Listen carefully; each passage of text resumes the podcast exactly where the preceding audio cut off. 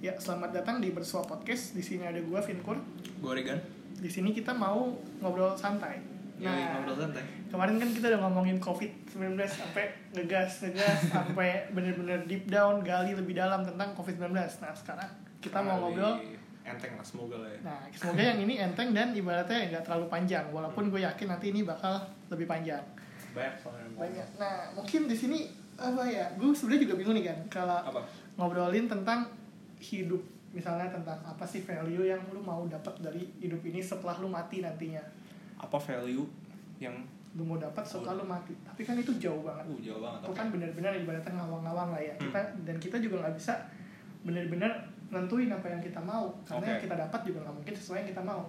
Betul betul. Idealis. Pasti ada ada Nah, idealis, iya. ada ada Realistis. beda, ada realistisnya. Nah, di Oke, sini mantap. mungkin buat konteks, buat konteksnya aja adalah eh, apa dimulai dengan cerita ya? Lu mau cerita dulu nggak tentang pengalaman lu sebelumnya tentang masalah ini, idealis tentang hidup atau realistis dalam hidup ini? Menurut gue sih kalau kalau gue sendiri sih gue pernah ditanya gitu loh. Ini paling sering ada di interview lu pernah ngerasa pasti ya. Di interview tuh lu ditanya kayak lu tuh sebenarnya orangnya idealis atau realistis gitu. Tapi menurut gue sendiri uh, dulu dulu emang gue bisa jawab gitu loh. Oh gue tuh kadang orangnya idealis. Tapi di satu sisi begitu gue berkembang dan kawan-kawan gue melihat satu masalah dari satu sisi tertentu. Jadi gue bisa bilang kayak ya udah gue realistis gitu. Tapi idealis dan realistis jawaban gue tuh selalu berubah gitu. Nggak konstan. Kadang gue bisa idealis kadang gue bisa realistis. Nah sebenarnya gue juga nyari gitu kan. Gue tuh sebenarnya orang idealis atau orang yang sebenarnya realistis. Nah eh, dalam pencarian gue itu banyak sih. Gue gue sering kayak gue sering refleksi sih. Biasanya kalau malam-malam gitu kan lagi otaknya lagi gabut ngawang-ngawang nah itu lo waktu yang tepat tuh refleksi. Setuju banget. karena terbuka alam bawah sadar lo itu kan wah gila luas banget pikiran terus ya pokoknya di situ lah gue gue nanya gitu ke diri gue sebenarnya gue tuh orang idealis atau realistis? Gitu. Nah eh, ini gue dapetin ini terus sebenarnya belum lama kan sebenarnya gue belum lama. Jadi ya malam-malam itu gue gue mikir sebenarnya gue realistis idealis tapi setelah gue sadar bahwa ternyata kita hidup tuh terlalu dikotomi. Dikotomi itu istilahnya pecah dua gitu loh. Ya tidak benar salah bagus jelek dan Hitam kawan-kawan. putih gitu ya? hitam putih apa pun. Nah tapi dikotomi itu kayak yang kadang membuat kita lupa sesuatu di antaranya. Ngerti gak sih? Di antara hitam sama putih itu ada abu-abu. Hmm. Oke, di antara merah sama biru tuh ada ungu. Jadi Iya, benar. segala, iya bener kan? gue mikir dulu tadi. pokoknya, pokoknya intinya kita ada benar dan salah. Di tengahnya tuh bisa ada, bisa jadi gitu loh. Ngerti gak sih? Jadi, Jadi kayak di sini di antara idealis dan realistis sebenarnya ada tengahnya. sebenarnya ada tengahnya. Nah, kayak gitu. Itu yang sebenarnya gue mau ngomongin. Nah, nah tapi pasti setiap orang tuh ada dominasinya gitu. Makanya eh, kadang ada orang yang memandang idealisnya dulu, baru melihat sisi realistisnya, atau ada orang yang melihat realistisnya dulu, baru memandang sisi idealisnya. Jadi idealis itu sebenarnya apa? Kalau gue boleh mendefinisikan bahwa idealis tuh buat gue adalah bagaimana kita memvalue suatu action, oke? Tapi realistis adalah bagaimana kita me- realistis adalah skala action. Jadi idealis adalah skala value. Jadi satu value, satu action. Ngerti gak sih? Kalau lu 100% idealis, nih gue bilang nih 100% idealis, lu gak akan action. Karena ini harus begini, harus begini, harus begini, harus begini. Actionnya di mana? Gak ada. Karena gak ada, gak akan ada yang 100% dengan ekspektasi lu gitu. Karena idealis itu datang dari dalam kan, value datang dari dalam. Tapi dunia lu tuh di luar lu gitu loh.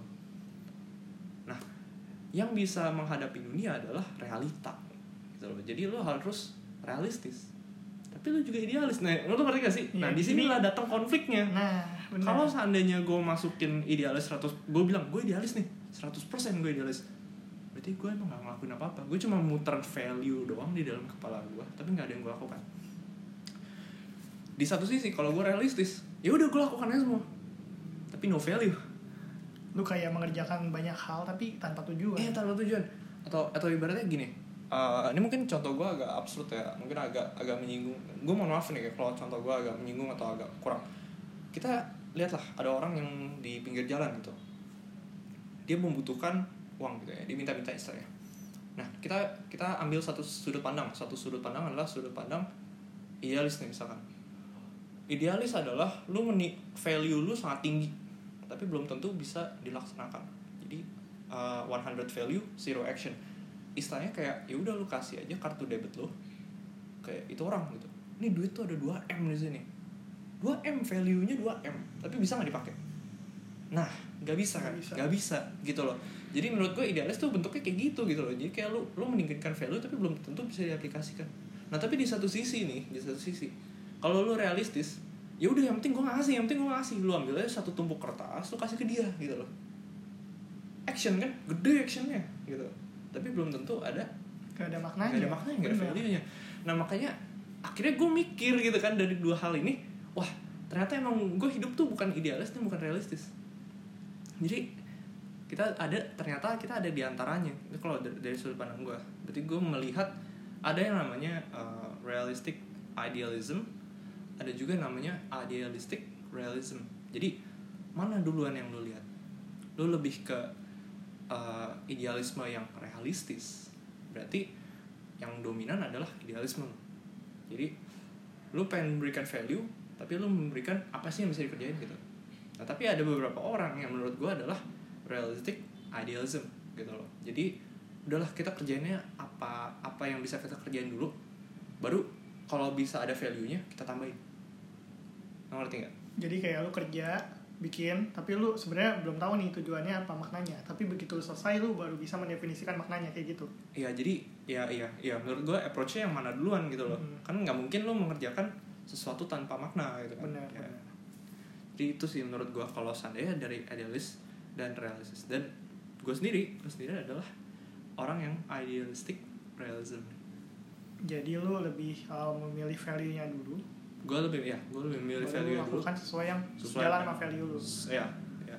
Sebenarnya menarik nih gue gue suka nih arah kita berarti arahnya kita mau bahas lebih dalam tentang value ya. Cuma sebenarnya gue sebenarnya gue agak sedikit mengalami uh, bingung tadi karena idealisme dan realistis di definisi otak gue tuh agak berbeda kan gimana gimana sebelumnya gue berpikir bahwa mungkin ini apa yang pendengar-pendengar juga mungkin sering dengar sering alami bahwa orang idealis adalah orang yang punya semua ide dalam otaknya hence Oke. the name idealis kayak Oh. orang yang ibaratnya punya mimpi mungkin kalau di bahasa lo value ya mungkin sama Oke. sebenarnya cuma cara pandangnya kita berbeda ya Iya, kalau iya, gue iya. melihat bahwa orang yang idealis mereka tuh punya punya ide di otaknya dan mereka punya ide itu adalah ide-ide yang benar-benar 100% sesuai apa yang mereka ekspektasikan oke jadi misalnya contoh ya, contoh orang idealis adalah aduh dalam konteks kuliah. Hmm. Aduh gue pengen nih ranking satu di kelas ini. Hmm. Aduh gue pengen nih IP 4,00. Hmm. Aduh gue pengen nih jadi mahasiswa yang aktif, pintar dan juga kenal sama banyak dosen. Hmm. Itu doang. Maksudnya tiga poin itu menurut gue itu idealis. Hmm. Berbeda dengan orang-orang yang realistis. Di sini orang-orang realistis adalah menurut gue per definisi adalah orang yang mempertimbangkan situasi dari sekitar dan kemampuan dirinya sendiri. Oke. Jadi dia lebih memilih bahwa ibaratnya misalnya dalam uh, phrase yang diucapkan sama orang-orang realistis biasa adalah gue pengen kuliah biar lu cepet lulus. Nah itu nanti action yang apa yang dia lakukan adalah tergantung dari uh, persepsi dia tentang bagaimana cara cepat lulus. Misalnya kalau gue ya cepat lulus ya udah IP yang penting di atas 3 Hmm. terus bisa selesai dalam ranah 7 semester kalau di fakultas kedokteran. Di situ realistis maksudnya dia nggak punya mimpi tinggi-tinggi kayak IP 4, kenal Hmm. banyak dosen, aktif, pintar dan lalala sisanya Hmm. tadi. Yang penting adalah poin yang ibaratnya tadi cepat lulus dan selesai. Hmm, ngerti ngerti Itu menurut gue realistis. Atau mungkin mau gue gali lebih dalam nih contoh-contohnya ya, mungkin yang lebih real dalam kenyataan tiap hari. Hmm. Bikin skripsi. Kita kan mahasiswa tingkat akhir betul orang yang idealis sebelumnya gue lihat adalah orang yang gue pengen skripsi gue nanti menembus jurnal internasional Q1 terus juga disitasi sama ratusan orang di dunia untuk pendidikan mereka selanjutnya. Gue pengen skripsi gue ber- berguna buat bangsa negara dan juga dunia ilmu pendidikan. Idealis. Oke. Beda sama yang realistis. Gue pengen skripsi gue selesai. Dah, itu aja. Itu yang gue lihat sebelumnya dengan idealis dan realistis. Di sini lu mau klarifikasi definisi gue dulu nggak? Apakah ada yang miss dari punya lu atau enggak? Kalau miss dari punya gue sebenarnya kayak sebenarnya gue nggak melihat ada perbedaan dari titik yang kita pandang perbedaan adalah sudut pandangnya doang gitu loh. Jadi kita uh, menurut gue sih titiknya nggak miss gitu loh. Sama-sama kena gue gue ngerti maksud lo. Cuma beda beda arahnya aja gitu loh. Ya yang lo sebut dengan value ya berarti mimpi gitu kan? Hmm, ya, setuju, benar. ya, dan yang lo sebut dengan realistis adalah selesai. Gitu yang jadi yang penting kelar gitu Action. saya ya. Ya sebenarnya gue nggak nggak ada nggak ada ini sih ya nggak ada nggak ada miss kayak gitu Nah sebelum kita bahas tentang view lu tadi idealistic realism, gue lebih pengen nanya nih sebenarnya ada nggak sih benar salahnya dengan orang yang terlalu idealis atau orang yang terlalu realistis? Ini sebelumnya gue nanya ini biar nanti kita bisa ngarahin pembicaraan ke depannya. oh oke oke oke kalau gue kembali lagi nih gue pengen bahas yang namanya impact impact itu terdi menurut gue sih ya gue mendefinisikan gue sering banget mendefinisikan sendiri gitu karena emang gue suka mikir jadi impact itu menurut gue adalah gabungan antara dua hal. Dua tadi tuh.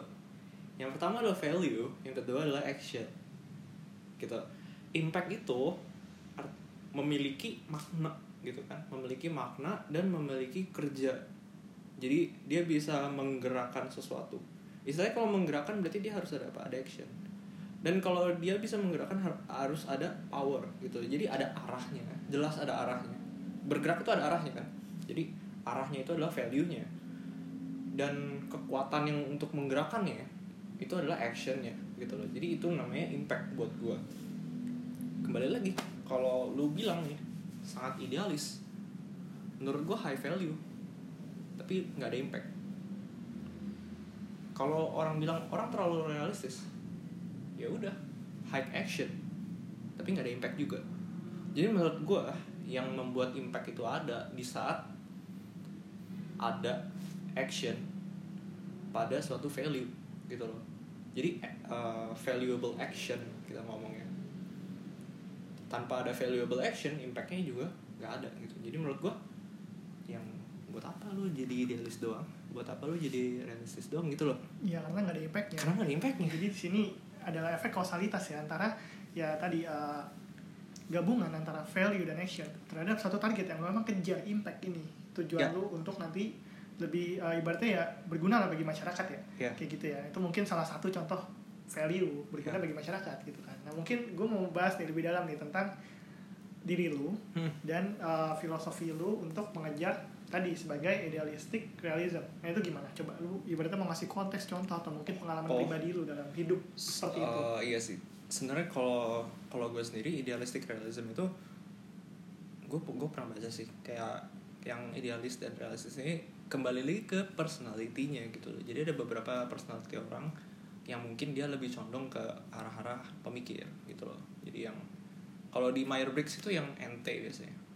Intuitive thinker yaitu pokoknya satu family intuitive thinker itu punya kecenderungan gitu untuk hal ini. Jadi dia lebih meningkatkan value pokoknya gue harus begini harus begini harus Ba- banyak harusnya gitu ya jadi kembali lagi ke personality-nya. Kenapa gue bisa jadi idealistic realism adalah ya menurut gue yang gue kejar adalah impactnya. Dan di satu sisi emang gue berangkat dari personality yang uh, dominan idealistiknya gitu loh. Jadi entah gimana caranya gue mendorong ke arah realismenya gitu ngerti gak sih? Nah sebenarnya uh, letaknya di situ sih. Kalau lu tanya kenapa gue bisa begitu ya menurut gue ini kayak natural buat gue gitu. Gue bukannya gue pengen menjadi begitu tapi gue mendiscover diri gue sendiri oh, oh ternyata gue idealistic realism gitu Sebenarnya gue mau nanya juga nih, sebenarnya apa sih value yang lu kejar? value Uh, yang gue Iya, kejar yang lu sebenarnya yang lu praise sebagai oh ini adalah hal yang harus gue arahkan semua effort gue. Ini adalah hal yang harus gue capai pada akhirnya misalnya ya tergantung konteksnya. Itu apa value lu? Uh, impact kalau seandainya mau mau mau secara general impact Impact dalam? Impact itu impact itu gue selalu melihat tiga hal. Ada tiga uh, person gue people orang lain atau lingkungan sosial siapa pun dan tiga environment. Itu impact gue kalau seandainya gue ditanya lu tuh sebenarnya mau ngelakuin apa? Tapi tanpa konteks ya gue gue jawab impact. Impactnya apa isinya? Jadi udah tiga itu. Gue berarti apa yang gue dapatkan gue enjoy gak sih perjalanan gue gue enjoy gak sih dengan tujuan yang gue capai? Gue enjoy gak sih dengan apa yang gue dapatkan gitu loh. Dan gue merasa adanya kebebasan atau apa gitu loh dalam gue mencapai hal itu. Terus kalau orang lain ya udah. Orang lain bermanfaat nggak buat orang lain gitu loh? Kalau nggak bermanfaat ya mending nggak usah gitu loh. kecuali emang ya personal development beda kan? Kan tujuannya emang beda. Tapi pasti ada secara langsung atau secara tidak langsung berdampak pada orang lain. Yang ketiga adalah environment. Environment tuh entah gimana caranya lu don't harm gitu. Don't harm ke lingkungan lu. Ya gue sendiri gue suka uh, kayak hiking suka alam. Pokoknya gue suka sama alam. Itu itu yang membuat gue kayak merusak. Itu bukan suatu pilihan. Jadi gue berusaha at least kalau sendiri lu nggak bisa mengembangkan jangan dirusak. Gitu. Itu sih kalau sendiri lu mau tanya ke gue Oh Nah, jadi nah. oh gue gue tertarik sih sama uh, poin hidup lu yaitu impact buat ya baik pribadi, lingkungan dan juga orang-orang sekitar. Hmm. Sebenarnya gue juga mau cerita nih tentang Nah, cerita gue. iya kalau lu gimana Nah kalau sebenarnya gue gue sebenarnya sampai saat ini nggak memandang diri gue dalam skala idealis realis atau mungkin di tengah-tengahnya realistik idealis atau idealis realis. Hmm. Gue lebih memandang diri gue sebagai mungkin sebutannya sama kayak sinonim realistis yaitu Hmm. praktikal. Tapi di sini gue nggak mendefinisikan praktikal sebagai realistis seperti yang tadi udah kita diskusikan. Hmm. Kalau gue mendefinisikan sebagai praktikal adalah gue bakal mencoba Hmm. untuk memilih apa yang kira-kira cocok yang harus gue lakukan pada saat itu tempat itu ya contohnya misalnya ya kalau gue nggak bisa pungkiri bahwa untuk menjadi seorang pemimpin seorang Hmm. leader itu lu harus punya value dan juga punya effort Hmm, hmm. yang ibaratnya kalau mau diskalakan tadi mungkin gue boleh pilih seorang leader yang ideal adalah orang yang punya value duluan dibanding effortnya Oh, oh. karena lu kalau sebagai leader lu harus mau dan bisa untuk nunjuk tujuan lu mau ke mana sebagai pemimpin dari ya apa pun itu organisasi perusahaan kelompok pertemanan contohnya kalau mau secara gamblang eh, presiden deh misalnya kalau presiden mau mendidik atau mau mengembangkan negaranya Hmm. ya dia harus punya tujuan dulu goalsnya oh gue mau negara gue nanti makmur karena ibaratnya sumber daya yang maksimal misalnya pertanian di uh, digunakan dengan baik maka uangnya nanti bisa dipakai untuk terus mengembangkan uh, ibaratnya ya ilmu pengetahuan sehingga masyarakatnya pintar di situ kan dia udah berpikir Hmm. tuh goal secara sistematis ibaratnya Hmm, hmm. runtut dan tahu uh, prioritas dan juga hal-hal kecilnya Hmm. effortnya menurut gue effort seorang presiden mungkin tetap harus besar walaupun tidak sebesar value-nya yang dikejar Oh. dia tetap harus punya effort tapi bukan effort misalnya kalau tadi gue pengen punya negara yang pertaniannya maju. Kan nggak berarti bahwa presiden itu harus bisa bercocok tanam. Oke.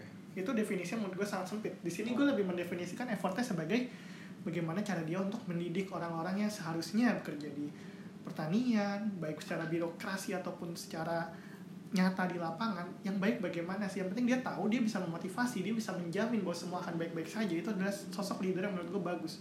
Oke. makanya uh, idealistic realism value-nya lebih tinggi daripada actionnya.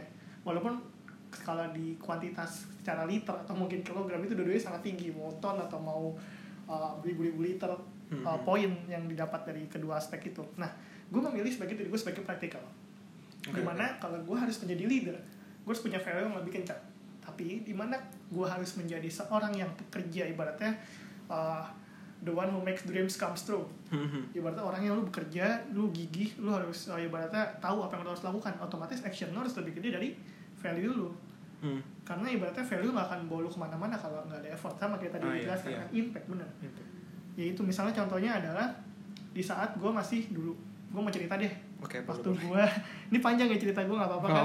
gue gue mau menganggap ini sebagai kayak obrolan teman cuma didengarkan oleh pendengar dari bersama podcast. Nah gue mau cerita dari tahun pertama gue kuliah.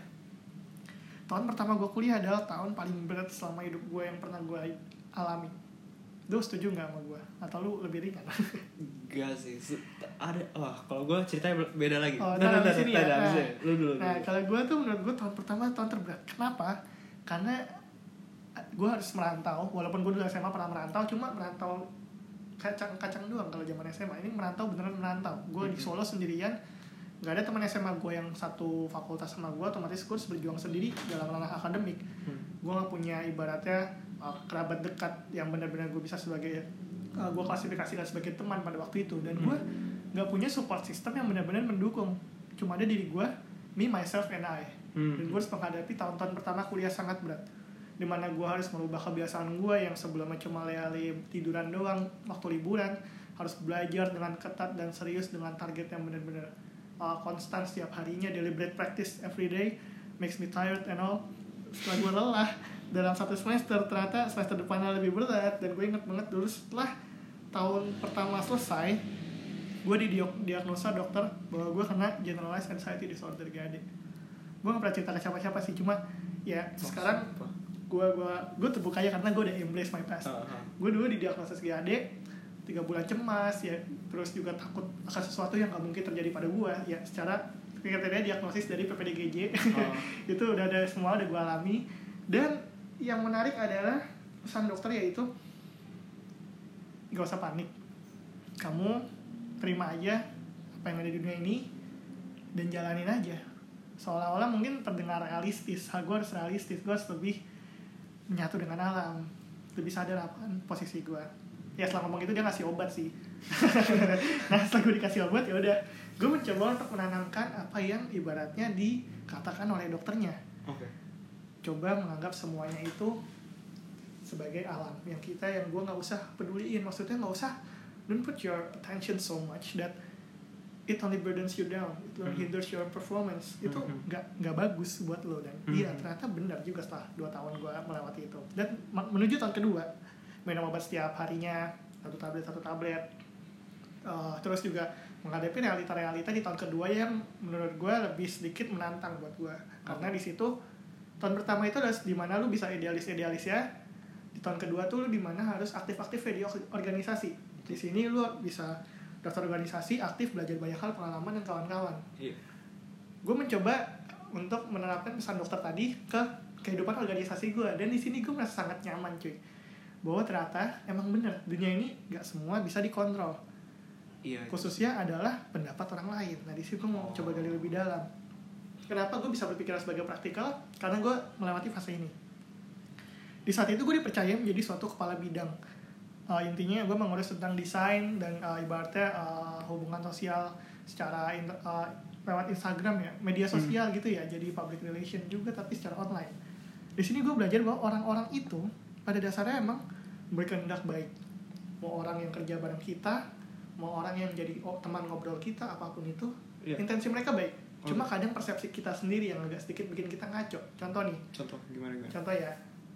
Lu punya kerabat kerabat rekan kerja. Dia nggak mau kerja dia nggak mau bantuin lo Hmm. dia nggak mau tahu apa yang lu rasakan ketika lu mengerjakan sesuatu yang cukup berat. Dan lu marah ke dia karena dia kayak gitu. Hmm. Padahal kenyataannya dia juga struggle sama akademisnya, dia nggak bisa belajar dengan serius, dia juga punya masalah keluarga dan dia punya banyak masalah juga ternyata lebih berat dari kita. Sebenarnya intensi dia baik, dia cuma mau membenarkan apa yang menurut dia benar yaitu akademis dia dan hubungan keluarganya. Oke. Mungkin harus melepaskan kerja dia di organisasi. Hmm. Dan gue waktu itu sempat marah pertama karena dia yang kayak gitu. Cuma setelah gue dalamin, setelah gue pelajari, setelah gue menjadi lebih tenang, ternyata intensi dia baik ya mungkin dia lagi nggak bisa bekerja Hmm. mungkin dia lagi nggak bisa bantuin kita lah Hmm. ya udah yang perlu gue lakukan adalah bekerjakan yang terbaik sama apa yang ibaratnya gue perlu kerjakan. Nah di sini gue belajar makna dari praktikalisme itu di mana ya lu punya goals lu punya ibaratnya lu punya value lu punya effort tapi lu perlu kadarkan itu sesuai dengan di mana si posisi lu berada. Kalau lu tahu teman lu lagi kesusahan lu pasti minta tolong sama dia.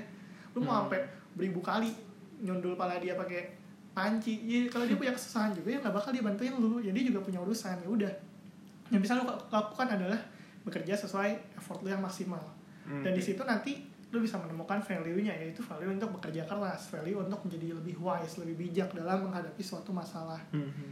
di sini gue dapat poin value di mana gue harus tetap menjadi praktikal hingga sekarang gue di tahun ketiga di mana gue udah mulai mengerjakan skripsi dulu sempat ada drama juga bahwa COVID-19 ini membuat judul skripsi gue yang asli yaitu tentang ini judul skripsi kita gak sih kan Iya, yang aku puntur ganti. ya harus ganti padahal kita udah hampir selesai bikinnya tapi di sini gue belajar menjadi praktikal lagi buat apa gue ribet-ribet untuk mikirin value yang bakal diambil oleh skripsi gue yang judul aku puntur itu? Oke lah dulu dijanjikan jurnal internasional. Hmm. dijanjikan bahwa penelitian ini berkelas dan kawan-kawan. Tapi Hmm. buat apa value itu tinggi-tinggi kalau lu nggak bisa kejar gara-gara ada covid-19 ini?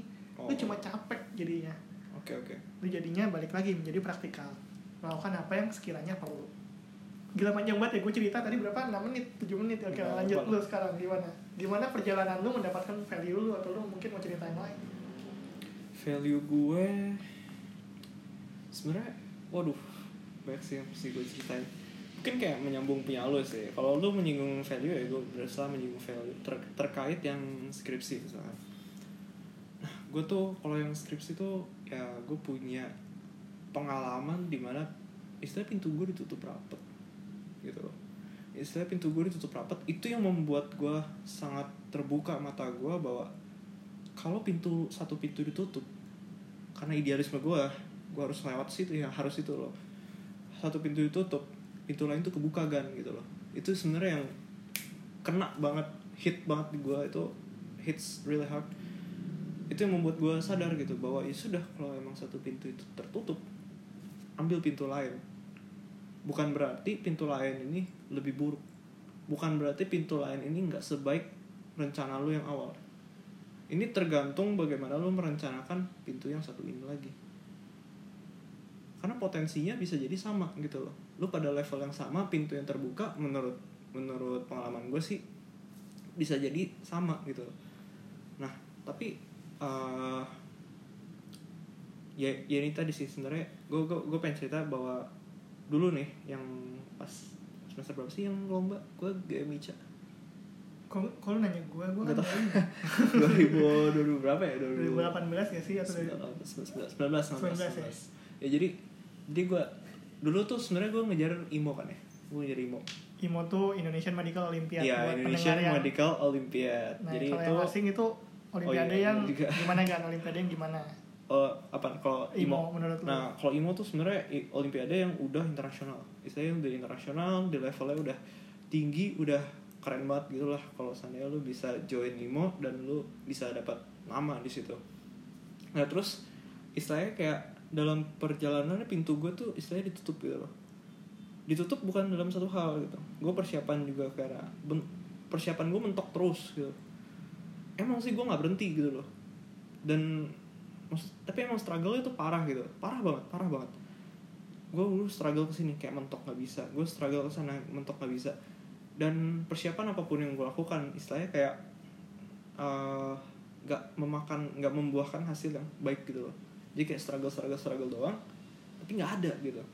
Jadi istilahnya struggle tuh bagus menurut gue karena ya lu kalau mau push sesuatu yang besar lu harus struggle gitu. Apalagi ini sesuatu lomba yang istilahnya internasional gitu kan ya udah lu harus struggle sesuatu yang besar itu. Tapi di satu sisi emang pintu gue beneran tutup gitu loh. Dari awal gue berusaha untuk persiapan lomba bahkan untuk seleksi internal nih seleksi internal tuh kayak udah berat lah. Apa pun tuh jadi halangan. Untuk seleksi internal sendiri gue juga gue juga sakit.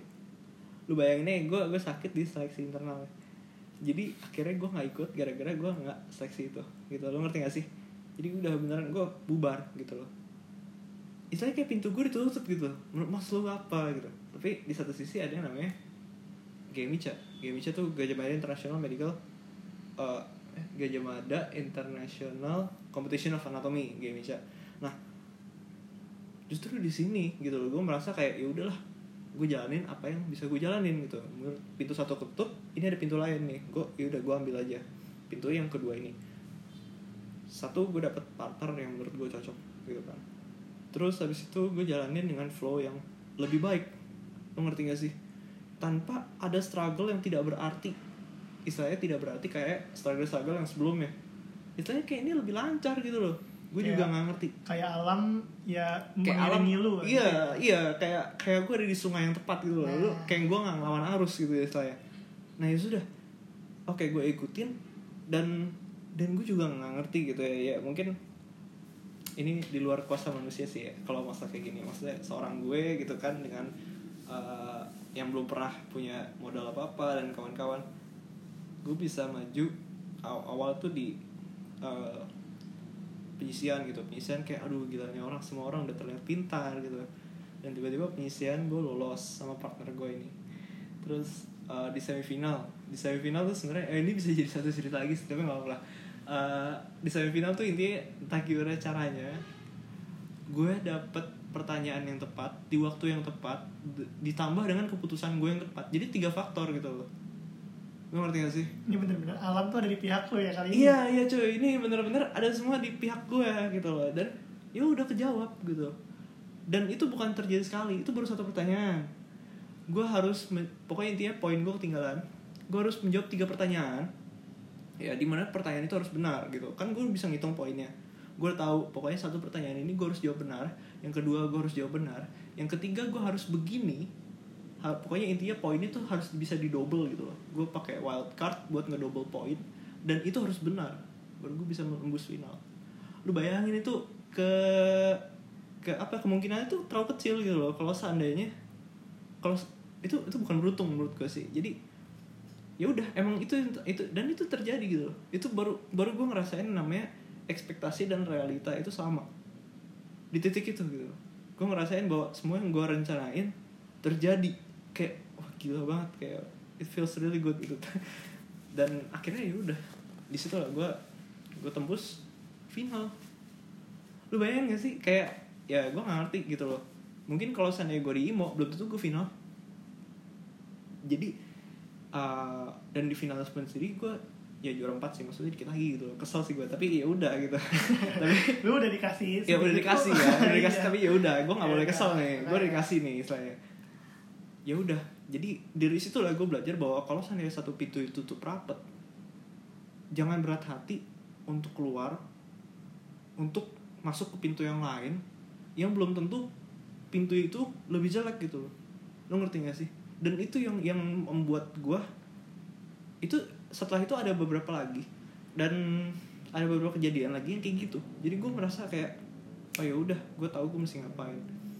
Dan termasuk yang skripsi yang lu cerita itu loh kan yang skripsi tiba-tiba covid eh, kita nggak bisa akses labnya tikus di UGM padahal udah bayar. Padahal udah bayar udah bayar training batal.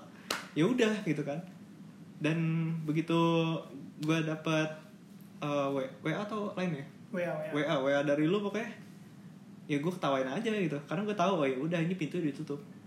Oh beda sama gue waktu gue dapat berita itu gue stres banget. Ah itu. Bener-bener gue tuh sampai kayak nggak habis pikir kayak gue waktu itu kondisinya gue udah nulis 7195 kata. Gue masih inget Oke. 7195 kata di proposal gue gue udah minta konsultasi ke dokter pembimbing dan ibaratnya waktu itu gue udah di ACC juga. Jadi gue tuh udah merencanakan untuk ujian proposal. Ujian Iya. proposal nih buat yang asing mungkin kalau lu mau skripsi. Iya. lu harus lulus tahap ujian proposal terus nyari data ujian hasil lulus skripsi. Nah gue udah tinggal ujian proposal. Ah, terus tiba-tiba dikabarin pandemi terus nggak bisa riset dan harus ganti judul. Di situ gue merasa kayak semua yang udah gue lakukan turns into ashes kayak semua terbakar menjadi abu dan gak ada gunanya. Dan gue bener-bener gue gue bisa klarifikasi kalau gue itu waktu itu hampir jatuh ke lubang yang sama sebelum gue kena gangguan cemas. Oh. Bener-bener gue merasa kayak semua harapan hilang.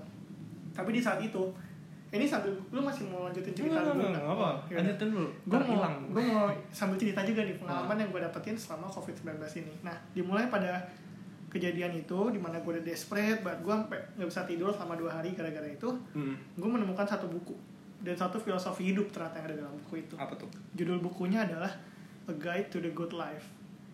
Aturan atau cara untuk mendapatkan hidup yang baik. Penulisnya William B. Irvine dia menulis tentang filosofi stoicism Oke. Stoicism itu mungkin buat yang asing adalah uh, di filosofi hidup di mana nggak ada yang namanya negative emotion, nggak ada yang namanya marah, anger, uh, iri hati dan kawan-kawan, tapi yang ada hanya ketenangan, serenity and tranquility. Hmm, Di sini gue belajar menggarisbawahi apa yang pengalaman Riga dan pengalaman gue bahwa kuasa alam itu bukan ada di pihak kita sejatinya Hmm. semua yang ada di alam itu adalah milik alam kita semua ini manusia cuma ya ibaratnya serpihan kecil yang diperbolehkan untuk menginjak tanah soil di atas bumi ini dalam periode waktu tertentu Hmm. nyawa kita nggak abadi begitu juga apa yang kita buat apa yang kita kerjakan di dunia ini Hmm. mau contoh Atlantis mana Atlantis sekarang Iya, iya. peradaban manusia lain Maya mana suku Maya sekarang? Yang ibaratnya mereka adalah orang yang pintar pada masanya memiliki advancement teknologi yang melampaui zamannya tapi sekarang tidak ada. Hmm. segitu kekuatan alam. Dan lu gara-gara skripsi lu doang gagal lu nangis lu sedih. Nggak etis. Orang dari suku Maya bakal ngetawain lu. Itu yang menurut gue membuka pikiran gue ya bahwa manusia ini ternyata nggak ada apa-apa ya dibanding nature. Hmm. di sini mungkin kalau untuk orang-orang yang percaya sama agama bisa masukin kuasa Tuhan ya. Benar Iya, kuasa betul. Tuhan tuh mainnya di sini. Betul. Kuasa alam sama. Tapi di sini yang membuat gue berpikir sampai saat ini adalah bagaimana seorang manusia bisa impactful ya dalam skala besar. Kalau gue boleh ngomong sekarang jawaban gue sendiri adalah ya manusia kita nggak perlu bikin impactful yang besar banget. Karena buat apa juga bikin impactful yang besar? Karena ujung-ujungnya bakal gagal kayak yang lalu. Ini bukannya pesimis ya ini namanya realis maksud realistis dalam ranah ya kenyataan Eh, aja jangka panjang gitu Nah ya. iya yang Oke, kapannya oke, kekuatan alam kita nggak bisa ngapa-ngapain. tapi menurut gue di sini yang penting adalah bagaimana balik lagi ke impact yang lu Tuh, bilang kan. Mu- mungkin mungkin menurut gue bukannya pasti gagal tapi lu nggak akan menang lawan alam Nah, maksud iya, lu gitu maksud kan itu. ya Iya, lu sorry, nggak akan menang Tadi lawan alam gagal tuh bukan pilihan iya iya iya maksudnya gue Gagal gak ya menang lawan ya. alam Lu ya nggak contohnya akan tadi. Rigan mau imo aja banyak faktor yang ya ibaratnya mendorong dia untuk nggak ikut tapi ujung-ujungnya GMK dia bisa ya push through kok oh nggak- satu lagi satu lagi. Apa, cuy? nih gue gue nambahin. Ini ini sebenarnya uh, punchline nya gue gue nggak mau menyinggung untuk yang ikut imo. Ya mungkin ada yang dengerin ikut imo. Tapi menurut gue pada tahun gue seharusnya ikut imo imo nya berantakan. Imo GM ya kita nggak sebut merek sih. Iya, Aduh, aduh, aduh. pas gue ngomong. Oke, yang Udah, gitu ya. pecah, makanya Aduh, itulah ya.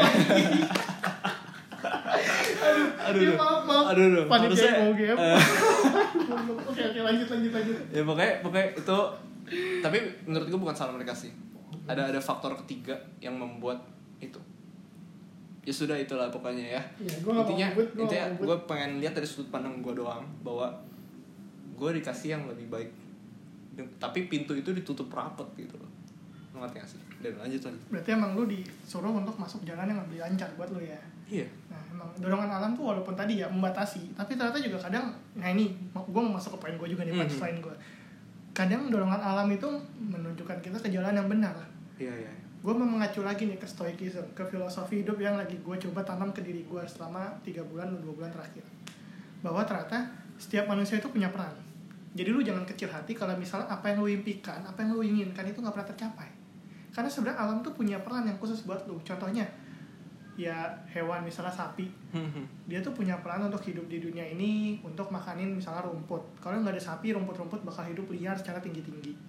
Itu secara skala kecil. Atau mungkin skala yang lebih besar. Manusia. Manusia ada di dunia ini ya untuk mengimprove apa yang dunia ini punya secara maksimal. Dari ya misalnya sumber daya alam kita di sini punya uh, ya sungai. Di sini sungai mungkin kalau alam doang nggak bisa jadiin listrik. Gara-gara Mhm. manusia sungai bisa menghasilkan listrik.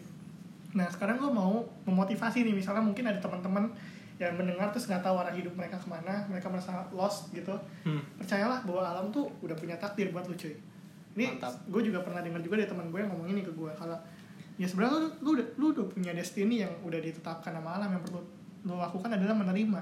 Kalau lu sekarang merasa kecil hati gara-gara ya skripsi lu ditolak kayak gue tadi ya mungkin lu ditunjukkan pada skripsi lain judul skripsi lain yang lebih menarik dan nantinya bisa jadi topik of expertise lu. Di mana lu nanti bakal shine bright di situ punya karir yang menjanjikan yang lu nggak pernah ibaratnya impikan sebelumnya. Karena apa pun yang lu impikan apa pun idealisme lu apa pun mimpi lu ke depannya itu adalah the ideal path of your perception. Misalnya lu pengen punya mimpi oh gue pengen jadi dokter biar rumah gue gede. Kenapa lu berpikiran seperti itu karena ide rumah yang ideal buat lu adalah rumah gede. Mungkin dipengaruhi karena lu hidup di rumah yang kecil. Oh. no offense no offense. Yes maksudnya yes. kayak gitu. Ngerti gue ngerti kan? Iya. Nah mungkin aja dengan lu let go of all, all your dreams, all your imaginations, lu mungkin akan ditunjukkan kepada the true future. Di mana mungkin lu akan merasa lebih bahagia dengan rumah yang nggak seperti lu bayangkan. Mungkin kalau lu dulu punya mimpi rumah gede, ternyata nanti lu setelah menjalani, lu lebih happy di rumah yang biasa aja. Kayak gitu, itu contohnya. Jadi tenang aja, nature punya punya your- rencana iya punya rencana. Your best fate is uh, held by nature. Jadi nggak usah kecil hati. tapi tapi gue gue pengen menyinggung ya nggak tahu menurut lo benar atau nggak menurut gue kayak walaupun uh, nature itu memberikan jalan lu tetap harus nyari bener gak sih benar benar. lu tetap harus nyari apa jalan lu sebenarnya Mm-mm. ya kan jadi bukannya kayak lu pasrah Iya. bukannya bukannya sekedar kayak "Ya udah gue nggak usah ngapa-ngapain gue nggak usah nyari apa-apa gue nggak usah melakukan apa-apa ntar tiba-tiba gue dapat bukan begitu kan? Bukan bukan. tapi lu bener harus nyari. Jadi, nah gue mau ini juga nih. Jadi selama liburan ini gue ngabisin dua buku. Tadi The Guide to the Good Life by William Hmm. B. Irvine sama yang kedua Grit by Angela Duckworth. Ini buku yang ibaratnya Grit ini, Oh, ini pasti semua orang pernah baca. Pernah baca pasti waktu SMP atau SMA pernah disuruh gurunya baca buku ini. Nah balik lagi ke William B. Irvine dulu ya The, Guide to the Good Life. Eh, tadi kita mau bahas tentang mencari eh, ibaratnya jangan jadi pasrah Oh, oke kita harus cari dulu apa sih yang kita benar-benar bisa lakukan. Gimana caranya? Pertama, menurut uh, filosofi Stoik, kita perlu fatalistik. Fatalistik itu apa artinya? Be faithful. Cintailah takdir, amor fati gitu lah. Amor Amor, fati. Nah, bagaimana cara kita mencintai takdir? Banyak orang yang sering misdefinisi terkait frase ini. Orang taunya kalau amor fati cintailah takdir artinya ya udah pasrah. Hmm. Padahal bukan itu. Takdir itu ada tiga bagian ya. Takdir masa lalu masa sekarang dan masa depan. Yang lu boleh pasrah itu cuma dua masa lalu dan masa sekarang. Lu nggak usah bother lebih tentang masa lalu lu yang ibarat lu uh, menurut lu buruk atau masa sekarang yang menurut lu lu nggak satisfied enough ya itu adalah takdir. Lu nggak bisa merubah masa lalu dan masa sekarang. Gimana caranya lu merubah masa lalu kalau lu nggak bisa pergi ke masa lalu? Gimana caranya lu merubah masa sekarang yang lu bilang tadi nggak satisfied you enough? Ya lu nggak bisa ngelakuin apa-apa kecuali apa yang lu bisa lakukan dan masa depan itu sebenarnya lu nggak boleh ibaratnya uh, pasrah gitu istilahnya Hmm. lu harus tetap bekerja keras untuk mendapatkan your desired future menurut lu apa yang lu lihat sebagai ideal buat lu Hmm. Nah di sini mungkin uh, bagaimana cara untuk shape your better future, gue mau ambil dari grid untuk uh, tahu apa sih sebenarnya peran lu dalam dunia yang tadi Rigan tanyakan juga ya. Lu perlu namanya develop the interest. Lu tahu dulu untuk apa sih lu apa ya maksudnya gimana caranya? Iya lu tahu dulu apa yang lu suka. Nah gimana caranya? Di sini banyak sih sebenarnya caranya dan sulit menurut gue untuk gue kasih cara kiat-kiat sukses ya. Tapi saran dari gue coba langsung karena apa yang lu suka datang dari apa yang lu coba dan alami apa yang menurut lu satisfying dan gratifying buat lu lakukan dan lu Hmm. bisa lakukan terus Hmm. kalau lu dapet itu itu baru satu level satu bagian lu harus praktis lu harus latihan apa yang lu suka? Misalnya lu suka main piano lu suka belajar uh, astronomi ya lu nggak nggak- boleh cuma suka.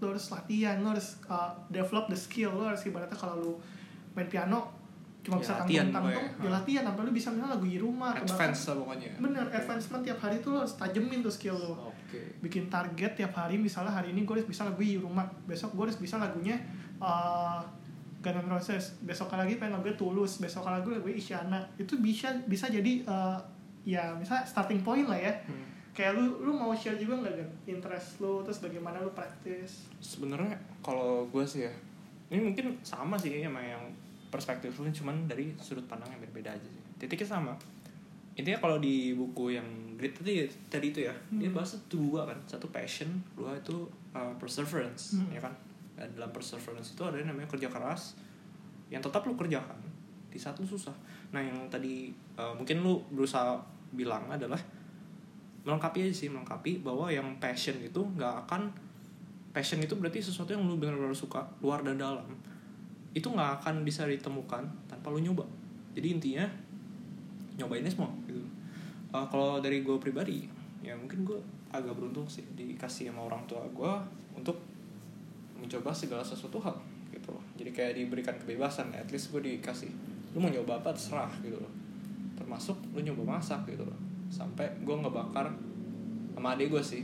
Ya termasuk gue ngebakar kabinet di dapur gue ya jadi kalau seandainya lu ke dapur gue mungkin ada tuh satu kabinet pintu lemari hitam tinggi sama langit-langit itu hitam bulat.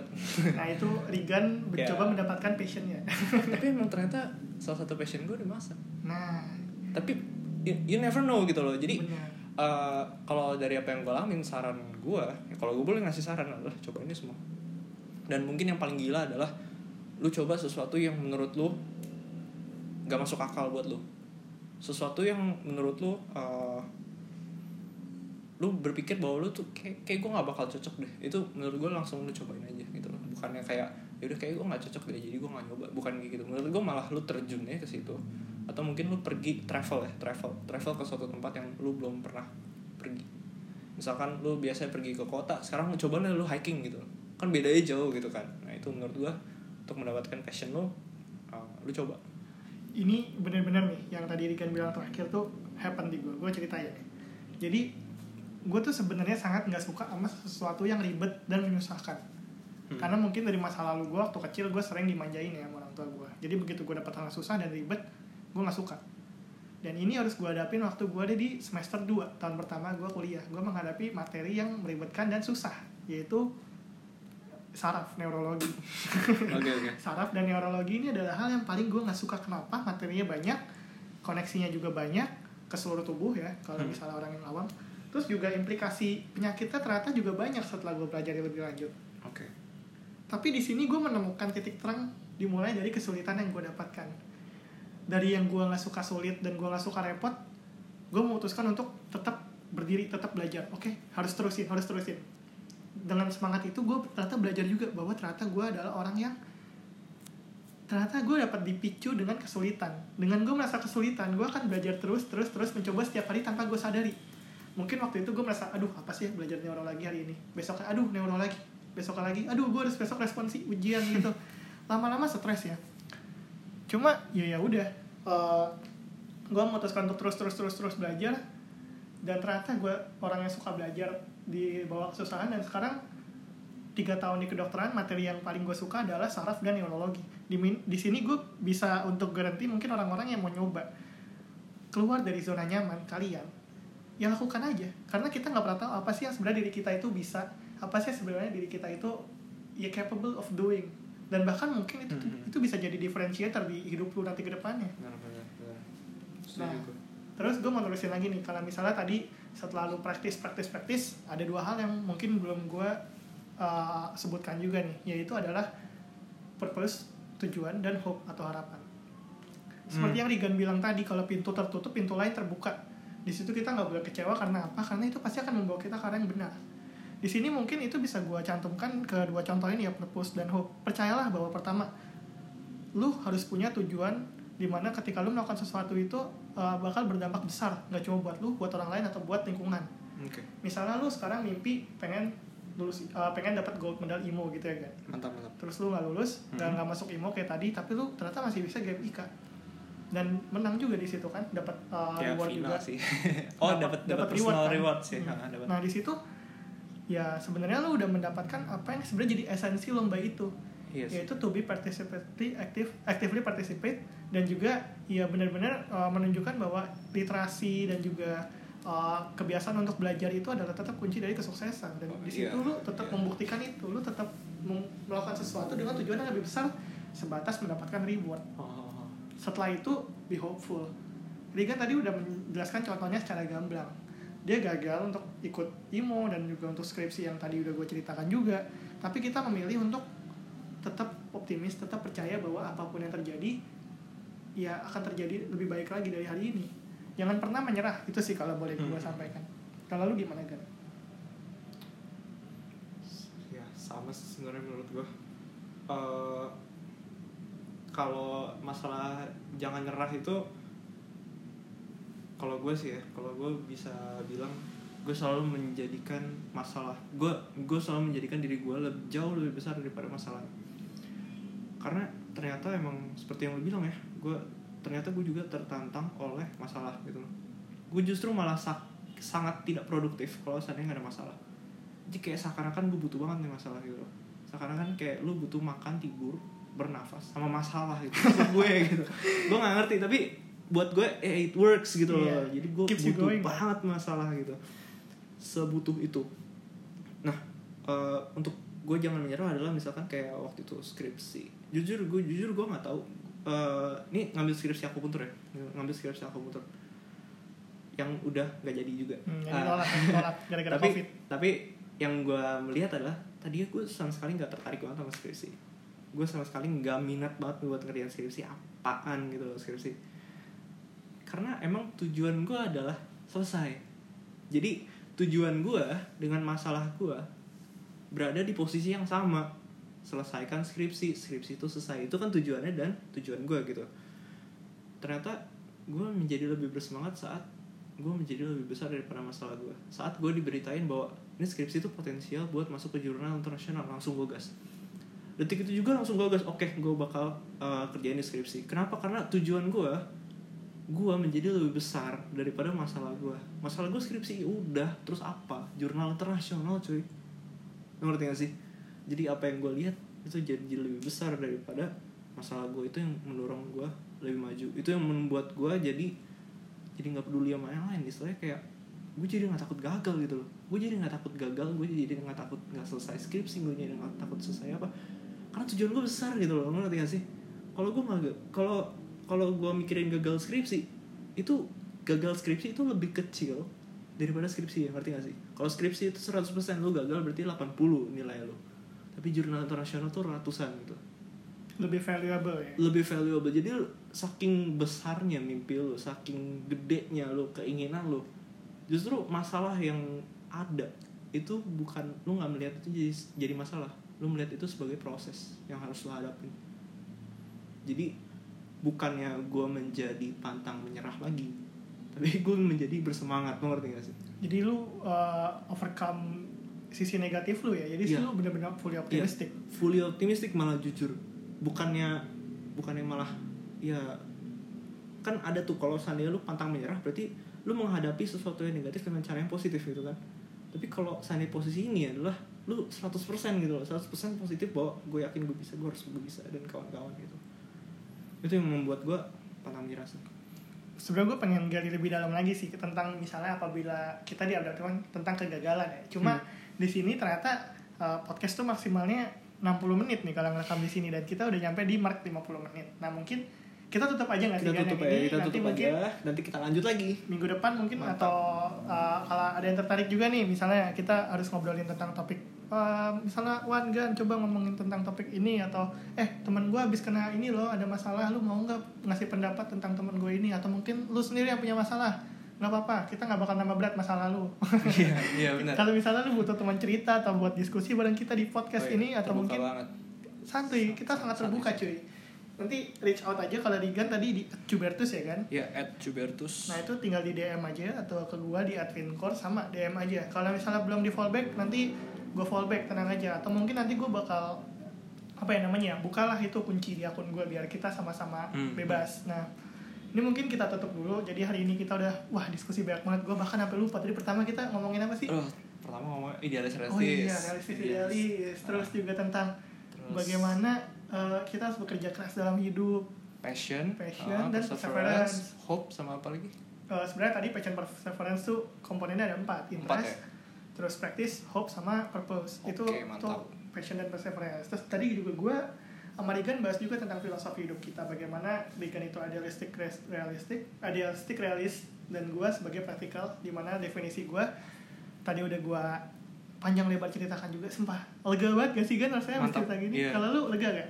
Ya bebas sih, Bebas kayak ya? terserah gue mau ngomong apa. bener-bener free talk banget sumpah. Ntar kalau ada yang mau ikut juga sumpah kita sangat terbuka dan bahkan kita sangat senang kalau ada yang mau ikut ngobrol bareng kita nanti ngobrol aja bareng kita nah mungkin kita tutup aja di sini gua Vinkur Gue Rigan. ya, kita undur diri sampai jumpa di Podcast Bersua Podcast selanjutnya. minggu depan dadah